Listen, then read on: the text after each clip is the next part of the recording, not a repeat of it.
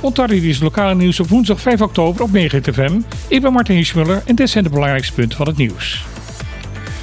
Dat het weer tijdens het stormseizoen snel kan omslaan en dat voorspellingen daarom lastig zijn te maken, was al bekend en wordt op dit moment weer eens een keer bewezen. Maandag konden we nog melden dat het weersysteem dat het oosten van onze eilanden bevindt niet meer dan 20% kans had om in de komende vijf dagen uit te groeien tot een storm. Gisteren sloeg dat opeens om en momenteel is de kans op een tropische storm opeens 80% geworden. Waarschijnlijk zullen we vanavond al de eerste regen- en onweersbuien krijgen. Naar verwachting zal de kern de komende vrijdag ons eiland noordelijk gaan passeren. Dat zal gepaard gaan met heftige regen en onweer. Ook moet er rekening gehouden worden met rukwinden tot 90 km per uur. Er is nog veel onduidelijk over het weersysteem in West 91L. Daar moet er rekening mee gehouden worden dat de voorspellingen de komende dagen nog diverse keren zal kunnen veranderen. Mocht 91L uitgroeien tot een storm, zal deze Julia of Carl gaan heten.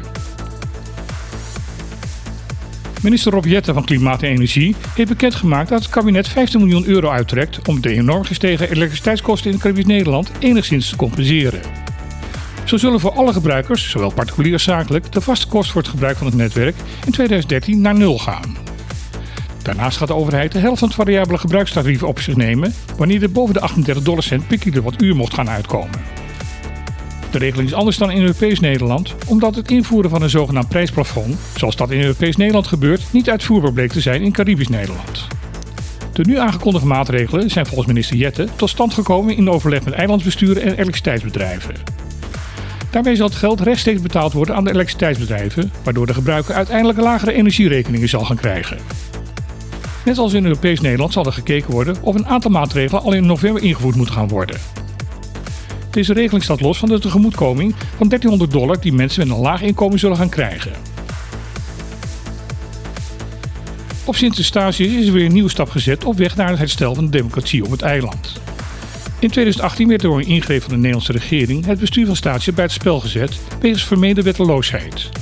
Sindsdien wordt het eiland bestuurd door een door Nederland benoemde regeringscommissaris. In 2020 is na de verkiezingen wel weer een eilandsraad geformeerd, maar deze functioneerde alleen als adviesorgaan en had geen beslissingsbevoegdheid. Nu zijn er twee gedeputeerden aangesteld. Dit zijn Glenn Smit en Dirk Simons, allebei lid van de PLP, de grootste partij in de huidige eilandsraad. Hiermee is het dagelijks bestuur van het eiland weer in handen gekomen van mensen die door de bevolking van het eiland zijn gekozen. De regeringscommissaris Alida Francis zal binnen het bestuurscollege gaan optreden als gezaghebber.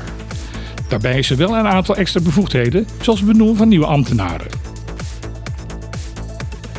Het Tweede Kamerdebat over de armoede in Caribisch Nederland is wederom uitgesteld. Het debat zou volgende week plaatsvinden. Dit keer is de reden dat minister Carole Schouten van Armoedebeleid haar belofte niet is nagekomen. Ze zou de vastkamercommissie van Koninkrijksrelaties tijdig een voortgangsrapportage over het eikpunt sociaal minimum sturen. Dat blijkt ze niet gedaan te hebben.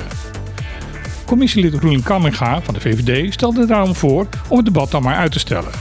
Jobba van den Berg van CDA steunde dit voorstel. Jorien Wuit van D66 was het daar volstrekt niet mee eens en was duidelijk merkbaar boos over de gang van zaken. Ze wees erop dat dit debat oorspronkelijk al voor de zomervakantie gehouden zou gaan worden. Het gaat hierbij om een urgent onderwerp, aangezien momenteel de armoede op de BES-eilanden snel aan het toenemen is. Dit verdere uitstel zal volgens Wuiten de mensen van het Caribisch Nederland nog meer het gevoel geven tweederangs burgers te zijn. Ze drongen er daarom op aan om het debat over dit belangrijke onderwerp in elk geval voor eind november te houden. Anders kan er geen invloed meer uitgeoefend worden op de begroting en het beleid van volgend jaar. Dit was weer het lokale nieuws van vandaag op FM. Morgen zal er door persoonlijke omstandigheden geen bulletin zijn en daarom graag tot vrijdag.